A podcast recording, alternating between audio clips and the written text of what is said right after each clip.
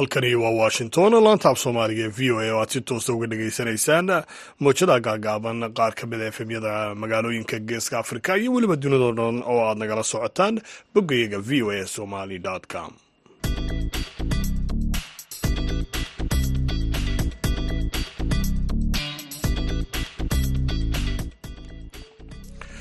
duhur wanaagsan dhammaantiinma dhegaystayaal. Meel kastoo aad joogtaanba waa salaasa taariikhduna ay tahay saddex iyo tobanka bisha februari ee sanadka laba kun iyo afariyo labaatan.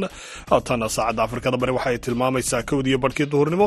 Idaacaddana waxaa halkan idinkala socodsiin doona anigoo ah cabdixakiin maxamuud shirwa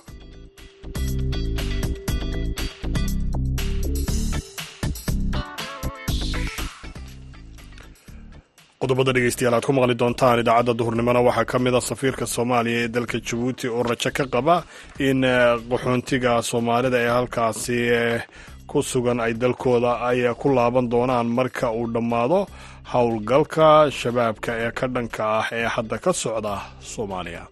Arrimo qaxooti dhibaatadooday iska leeyihiin laakiin waa la sii yaraaha oo mar walba mataqaanaa amba waa baxayan amba dalkoodii ku naqaayaan.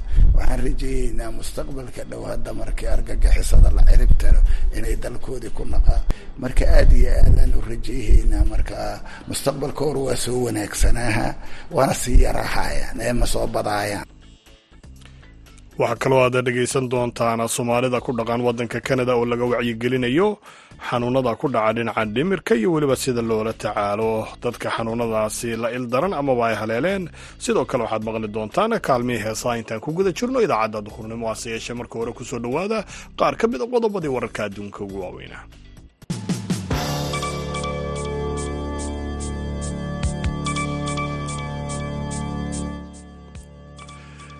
madaxweynaha maraykanka jo biden ayaa sheegay in maraykanku uu ka shaqaynayo heshiis u dhexeeya israa'iil iyo xamaas kaasoo horseedi kara in ay xasilooni ka dhacdo qasa taasoo sidoo kale socon doonta ugu yaraan lix toddobaad.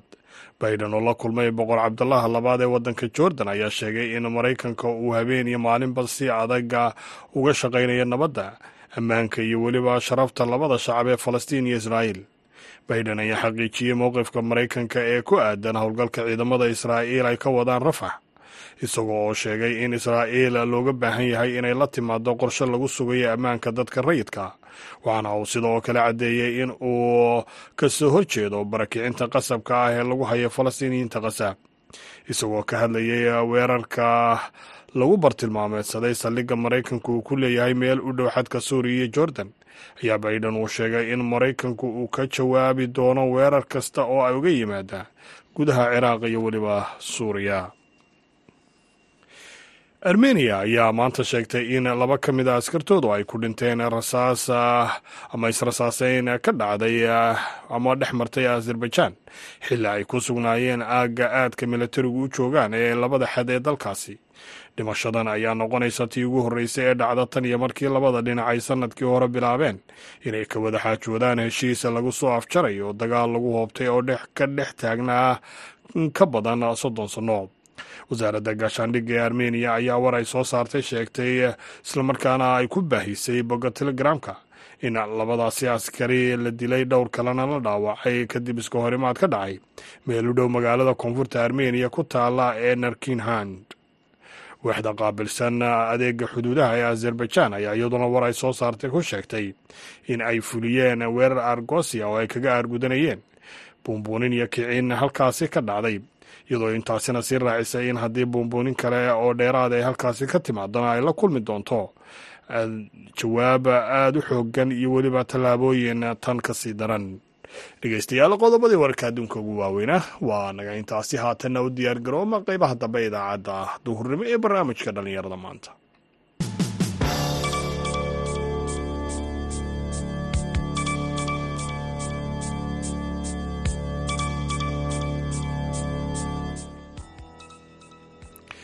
Mar kale ayaan dhammaantiin ba idin leeyahay duuracna wanaagsan meel kastoo aad joogtaanba safiirka soomaaliya ee dalka jabuuti salaad cali jelle ayaa sheegay in ay rajaynayaan in qaxoontiga soomaalida ah ee dalkaasi ku nool ay ku laaban doonaan waddankooda marka uu dhammaado dagaalka al-shabaab ee soomaaliya looga saarayo.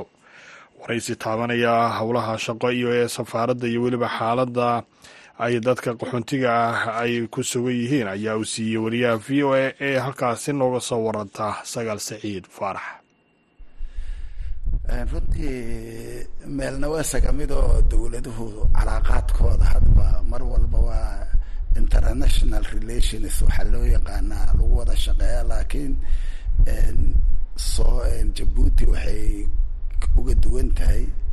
Haddee kow horta dirisaan nahay oo haddee labada dal ayaa mataqaanaa xuduud leh waxaa kale oo mataqaanaa walaaltinimo iyo luqad iyo isla dhalasho iyo wax wada qabsi ayaa naga dhexeeya. Marka waxaa la dhihi karaa marka si kastaba ha noqotee ayadoo dalalku ay soomaaliya u wada mid yihiin oo dalalka adduunka oo dhan xiriirkooda aan ilaalinayno on sharafayno on soo dhaweynayno haddana jabuuti waxay tahay gacanteena koobaad waxaad ka garan kartaa ciidamadooda waxaa loo yaqaan markay soomaaliya joogaan hiil walaalaa loo yaqaanaa. Marka runtii dhiiggay noo shubaan iyaga marka iyo iyo wada dhalashadaas oo oo si gaara nooga dhexayso haddana waxaa la dhihi karaa marka waa naf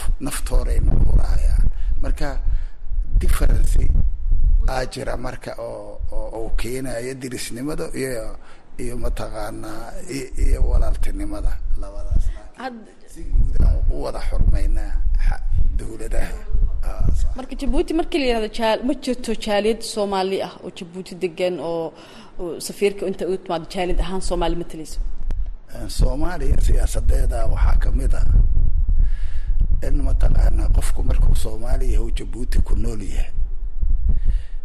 Ma dareemayo inuu inuu muqdisho joogiyo kale ama uu hargeyso uu joogay ula mid marka sabab marka jaaliyad oo u naqdo ma dareemayo marka waxaa waaye inuu ku jiriyo dadkiisi inuu la jiriyo ayuu u fahmaa. Marka siyaasadda soomaalida ka mid ma ahan marka inay jaaliyad u baahan tahay. Markii jabuuti la joogo waxaa waaye dalkoodii labaad ayay joogaan wax haba yaraatee ay dareemayaan oo meeshi ay iyagu ku dhasheen oo waxawaay original balaiskoodii ay ka yimideen hadday hargeysa ka yimid hadday muqdisho ka yimid hadday boosaaso ka yimaadaan kulligood iyo hadday kismaayo ka yimaadaanba waxay dareemayaan meeshi ay joogeen meel lamida inay yimideen. Marka uma baahna annaguna howlahaas kama shaqeyne waxaan ka shaqeynaa siyaasadi hore oo dawladda dawladda soomaaliya ay ku shaqeyhaysay ayaa safiir kastoo yimaado ku shaqeeya. Marka looma baahan marka inaan jaaliyad ay soomaaliya ku lahaata jabuuti weli looma baahan. Waa arrin oo oo oo oo ay uga gedisan tahay jabuuti waddamada kaleeto. Marka dastuurkii hore soomaaliya lixdankii baa qaba. In jabuuti iyo soomaaliya dadkuna dad waala yihiin looma baahna wax udhexeeya intaa. Marka safiirka kulligood buu siyaasadii guud ma ku shaqeynaya laakiin baahi loo qabo ma jirto. Baahi loo qaba mara maxaa yeelay aniga hadda inta markaan fadhiyo inaan muqdisho jooga igama bedelna nin wax marxabeyhayaan aan isarkaynaa moogiye wax aan i aqoonin. Ma arkaayo inaan safiirka soomaaliya ah inaan magacayga ay yaqaanaan sidii oo kale waaye marka waxaa waaye uma baahna soomaaliya marka markay jabuuti joogto in oo mataqaanaa ay u baahan tahay waxa la yidhaha uma baahna. Ha haddii ay yimaadaan qof oo haba yaraatee wax uun ay si ka naqdeenna halkaanay soo gelay safaaradda safaaradda marka u adeegeysa marka burobaleemka noo yimaado marka aada ugu yaryahay mudan safiir jabuuti waxaa jooga soomaali badan oo qaxoontiya. Kawar kuwaas mas aragtaan safaaradda ma yimaadaan wax ma idinka dalbadaan? Aada iyo aad waa noo yimaadaan. Runtii haddii ay u baahan yihiin in arrimo waxaa jira waddamada caalamka ayaa qaxootiga waa la qaadaa. Marmarka qaarkood waxaa qaada wadamo u soo ogolaada marka waxyaabaha ay markaas nooga baahdaan waa ku gacan siinaa haddii ay arki waayaan oo mithaal ahaan ay ku adkaato safaaraddaas ay muraadka ka leeyihiin waa waa ku gacan siinaa waxaan kaloon xiriirna waa leenahay wada shaqayneed.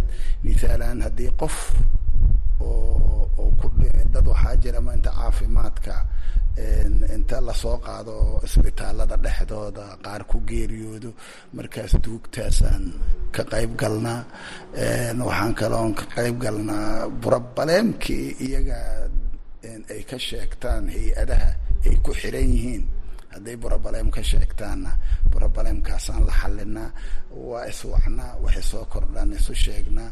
Marka runtii wada shaqayn fiican ayaan leenahay laakiin hadda dhib oo baahida guudo oo iska jirta ma ogiye. Dhibaato gaar ahaaneed. Ma qabaan qaaraan oo na yidhaahda waxaan rabnaa inaan ticket dib u naqano kuwaasna waxaan ku siinaa gacan tabarteenna inta ah. Haddana waxaan jecelnaha inaan mataqaanaa dhahno hay'adaha ku shaqada leh ayaan qaar is aragnay marka waxaan dhahnay waa is aragnay halkaanay iigu yimaadeen mawda iyagoo markaas mataqaanaa inta tabarta daranne inay inay inay gacan ka geystaan aan ku boorinay waana naga ballan qaadeen waxyaabaha dadka jilacsan oo magaalada ku jiro inay mataqaanaa ay ay caawiyaan waa isla garanay. Haddee dowladda jabuutina hay'adaha qaabishan iyagana aada iyo aad ayay ayay arrintaas aan haddii dhibaato ka timaadaan ula xiriirnaa. Marka runtii hadde waa iska gara kartaa arrimo qaxooti dhibaatadooday iska leeyihiin laakiin waa la sii yaraaha oo mar walba mataqaanaa amba waa baxayan amba dalkoodii ku naqaayaan waxaan rajeeyeynaa mustaqbalka dhow markii argagixisada la cirib taro inay dalkoodii ku naqaan marka aada iyo aadaan u rajeeyeynaa marka mustaqbalka hor waa soo wanaagsanaaha waana sii yarahayaan ee ma soo badaayaan. Saas marka saasaan ku wadnaa adiga annaga redian unaha afar iyo labaatanka saac marka safaaradda waa obin cid kastoo soomaaliya oo timaada iyo cid kastoo ajnabi oo timaadana waan soo dhaweynaa hawsha si fiicanay noogu socota wagaag dhegeystayaal kaasi waxa uu ahaa safiirka soomaaliya u fadhiya dalka jabuuti salaad cali jeele oo magaalada jabuuti ugu waramayey waryahayaga sagal saciid faarax. Warbixino kale ayaa dhegeystayaal inoo soo socda hase yeeshee haatan aynu jalleecno dhinacii kaalmaha heesaha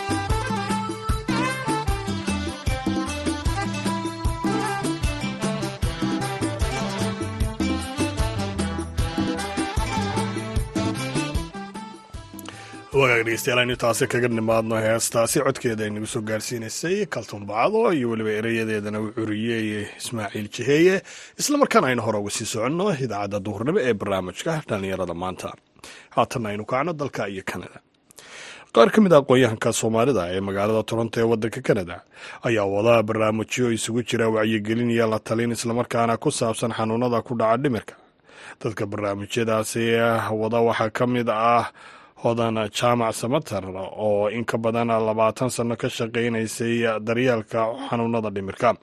Waxaana wariyaha v o e kanada xuseen nuur xaaji ay hodan jaamac ugu horeyn uu weydiiyey waxyaabaha keena xanuunada ku dhaca dhimirka. Caafimaadka dhimirka waxyaalo badan ayaa saameeya. Marka ugu horeysa waxa weeyaan guriga ku soo kortay ama magaaladaa ka timi wadankaa ka timi ama dadka agagaarkaaga ku saameeya. Hiddaduna way saameysaa qofkaasi hiddo ayuu u leeyahay xanuunyadaas. Ayaan inta badan aan iraana qofku hadduu letsay hooyadii ama aabihii ama adeerkii ama awowgii uu qabay uu la dhibaataysnaa caafimaadka dimirka waxay u leeyihiin hiddo inay qaadaan.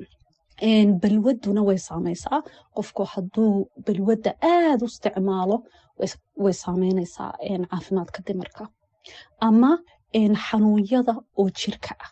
Marmar qofku ama macaan buu la dhibaateysanaya macaankuna iyo waxa isku xiran iyo warwarka. Marka anxietigoo kale iyo waxay isku xiraan dhakhtaradu inta badan iyo macaanka wadna xanuunka waxyaalahaas oo caafimaadka jirka ah wuxuu saameyn karaa caafimaadka dimirka waa tahay soomaalida marka laga hadlayo ilaa intee buu gaarsiisan yahay fahamka ay ka qabaan ee xanuunada ku dhaca dhimirka hadda soomaalidu muddo afartan sannadood ayay iminka joogaan ay degan yihiin canada dadkii ugu horeeyey soo galay inta badan waxay raadsan jireen caawimo oo housinga education maxay ahayd wax oo settlementka ku saabsan waxaan u arki jirnay berigaas as a community caafimaad dimirka wax aan laga hadlin oo ceeb ah dad badan baa markaa ka soo qayb galay inay wacyigelin badan geliyaan communitiga oo la fahansiiyo soomaalida bulshada ku nool toronto iyo magaalooyinka waaweyn ee canada inaa la siiyo daraasad oo ku saabsan caafimaadka dimirka hadda waxaanu gaarnay heer aanu fahansannahay heer aanu aqbalnay inay waxaasi jiraan ee caafimaadku dimirku la mid yahay caafimaadka jirka ah marka hadda waxaanu joognaa heerkii interventionka ama la talin la talinku waxa weeyaan inta badan waxa sameeya dadka oo counselinka takhasuska ku qaatay. Psychotherapistska ah social workers psychiatrist. Soomaalidu way ku yaryihiin inay access gareeyaan counseling. Laakiin haddaanu bilowbaynaa inaan dadka aan la wadaagno counselinku siduu muhiim u yahay. Qaab noocee baad u caawisaa dadka qaba xanuunada dhimirka muddo toddobiyo toban sannadood baan la soo shaqaynayay dadka oo caafimaadka dimirka iyo balwadda la dhibaataysan muddo iminka toban sannadood ka badan ayaan samaystay practice oo aan la shaqaynayo oo la talinayo dadka caafimaadka dimirka la dhibaataysan waxaan ahay hadda clinical therapist. dadku ay la soo hadlaan counseling baan siiyaa marka hore assessment baan sameeyaa assessmentkaas waxa ku xiga intervention strategies. Ka waxaan ahay anigu focuskaygu waxa weeyaan solution oriented inaan xal aan la raadiyo xal oo caafimadeed waxa ka maqan aan la wadaago. Marka dadkaan la shaqeeyo soomaali maaha waa dadka ajnabiga ah ee caddaanku ugu badan yihiin. Soomaali malaa qof keliya ayaan counseling u sameeyey marka way nugu yar tahay counselinka ama la talinka inaan aan raadsano. Waa tahay ugu dambeyntii waxaad iiga warantaa dadaalada aad ku wacyigelinaysaan bulshada halka idin marayaan. In badan baan soo wadnay iminka programkan la talinka ah. Markii ugu horreysay waxaan ku bilownay baraha bulshada ama social mediada. Hadda laakiin waxaanu ogaanay soomaali badan inayna ah access u lahayn informationka ama knowledgeka oo ku saabsan la talin ama counseling. Markaas insha allah waxaanu qabanqaabinaynaa barnaamijyo badan oo communitiga aan la wadaagayno faa'iidaday leedahay la talin ama counseling. Bishan aan ku jirno family day nineteenkeeda waxaanu qabanqaabinaynaa barnaamij oo ku saabsan la talin marka barnaamijkaas waxaa noo imanaya cabdiraxmaan kaahin oo psychotherapista oo muddo toddobiyo toban sannadood ka badan dadka la talinayay oo caawinayay bulshada soomaalida otowa degan iyo quebec. Marka cabdiraxmaan wuxuu noo sheegayaa ama nala wadaagayaa waxaan u baahannahay as a community iyo as family insha allah nala soo qayb qaata barnaamijkan waagaaga dhegaystayaal taasina waxay ahayd hodan jaamac samater oo magaalada toronto ugu waramaysay wariyahayaga xuseen nuur xaaji. Dhegaystayaal gabagabada idaacaddeena ku dhownahay haatanna ku soo dhowaada xubintii ciyaaraha.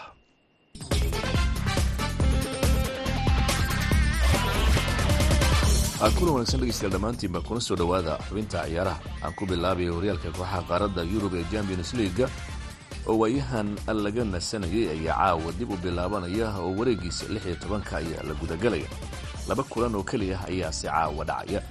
Kulanka ugu xiisaha badanaya waxa uu dhex maraya kooxaha kubadda cagta ee arbi leipzig iyo kooxda kubadda cagta ee real madrid.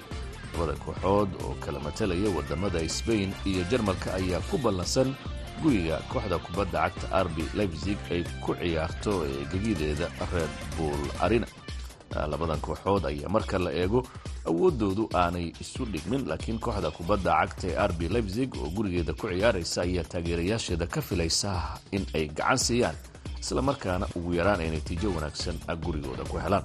Xidigaha obenda iyo sesco ayaa weerarkooda hogaaminaya oo ha laba ciyaaryahan oo dhinaca weerar ku wanaagsan. Sidoo kale ciyaaryahan shavi simonis iyo dani olmo ayaa laftoodu ka mid a xidigaha ay kooxda kubadda cagta ee arbi leipzig caawa wax ka sugayaan. Dhinaca kale kooxda kubadda cagta ee real madrid ayaa kulankan ku soo aadaya iyada uu laacibka ay ku dhaartaan waayahan ee lafdhabarka kooxda u ah ciyaaryahan jude bellingham uu kooxda dhaawac kaga maqan yahay. Xidigan ayaa toddobaadkii la soo dhaafay kulankii ay real madrid la yeelatay herona kaga dhaawacmay waxaana la sheegay inuu garoommada ka maqnaan doono muddo saddex weega ciyaaryahankan oo noqday tan iyo sidii uu real madrid ugu biiray weeraryahan ku wanaagsan dhinaca dhalinta goolasha ayay kooxda kubadda cagta ee real madrid u dhutin doontaa kulanka caawa inkastoo ciyaaryahanada fenicius junior iyo rodrigo ay diyaar yihiin oo ay kooxdu caawa wax weynaa ka sugayso. Dhinaca kale kooxda kubadda cagta f c copenhagen iyo manchester city ayaa iyaguna kulmaya waxay ku ciyaarayaan guriga kooxda kubadda cagta f c copenhagen manchester city waa kooxda difaacanaysa koobkan lagu loolamayo. Dad badanna waxay rumaysan yihiin kulanka caawa inuu yahay mid u sahlan marka la eego kooxda ay ku aaday f c copenhagen. Laakiin f c copenhagen lama dhayarsan karo sida ay ku soo baxday horyaalkan marka la eego. Gurub waxay ka soo gudubtay aad u adag oo iyada aan loo saadaalinaynin inay ka soo bixi kartay galatasara iyo manchester united ayayna ka reebtay inay u soo gudbaan wareega lixiyo tobanka kadib markii kulamadii gurigeeda ay kula ciyaartay ay ka adkaatay. Haddaba kulamadaasi haddaba kulankaasi caawa dhacaya ee dhex maraya kooxaha arbi leipzig iyo real madrid iyo kan dhex maraya manchester city iyo f c copenhagen. Ayaa taageerayaasha kooxahaasi ay garoonka soo caamili doonaan. Dad badanna waxay rumaysan yihiin in kooxaha guryahooda ku dheelaya caawa ay natiijo wanaagsan ka heli karaan kooxaha waaweyn ee martida xubintan ciyaaranta ay ku soo gabagabaynaya tan iyo kulan dambe waa mascadooda ku dhaafaya sidaa iyo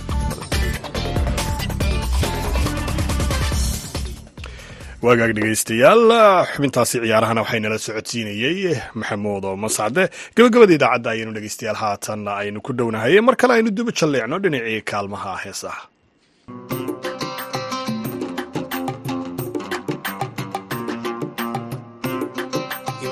noloshu keli tahay. Kabtan iyo cilaaq tahay. Kalgacaylka admigu kole kama salgaadhin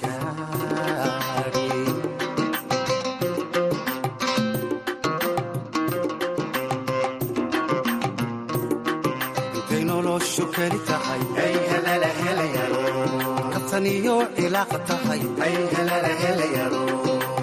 cagilka aadamigu kolay kama salkaadhin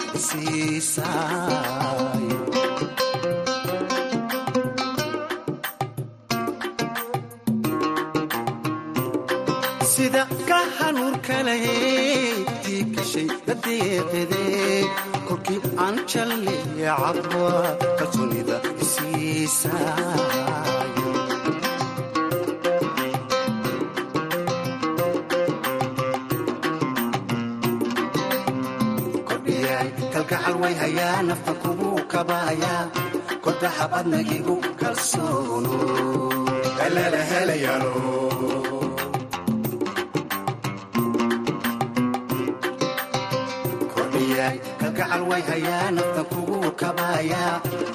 Xabadna igu kalsoono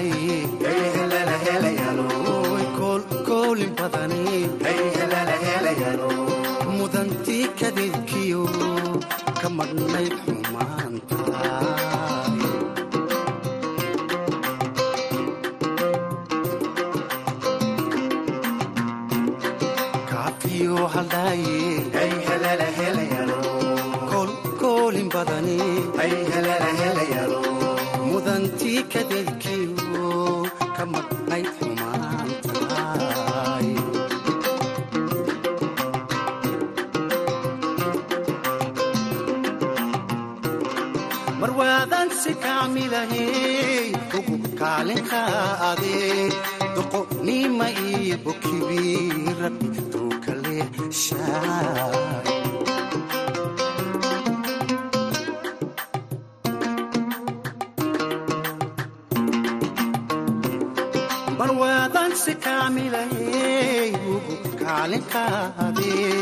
doqonnima iyo kibi rabbi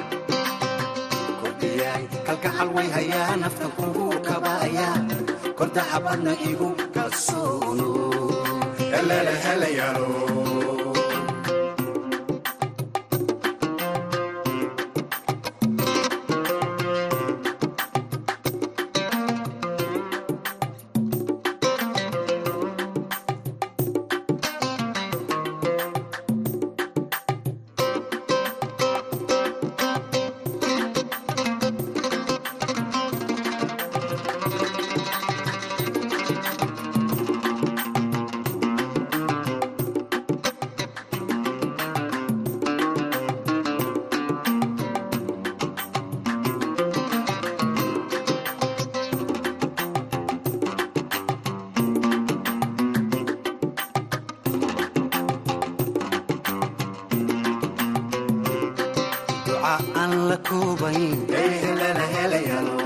tii ay ku kulantiin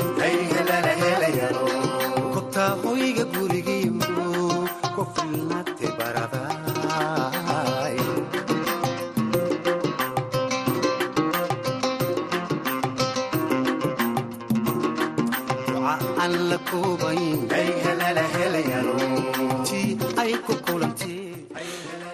wagaaga dhegaystayaal heestaasi codkiisa inagu soo gaarsiinayey fanaanka cabdiqaadir macalin cumar jubba ayaana ugu dambaysay idaacaddii doornimo ee barnaamijka dhallinyarada maanta.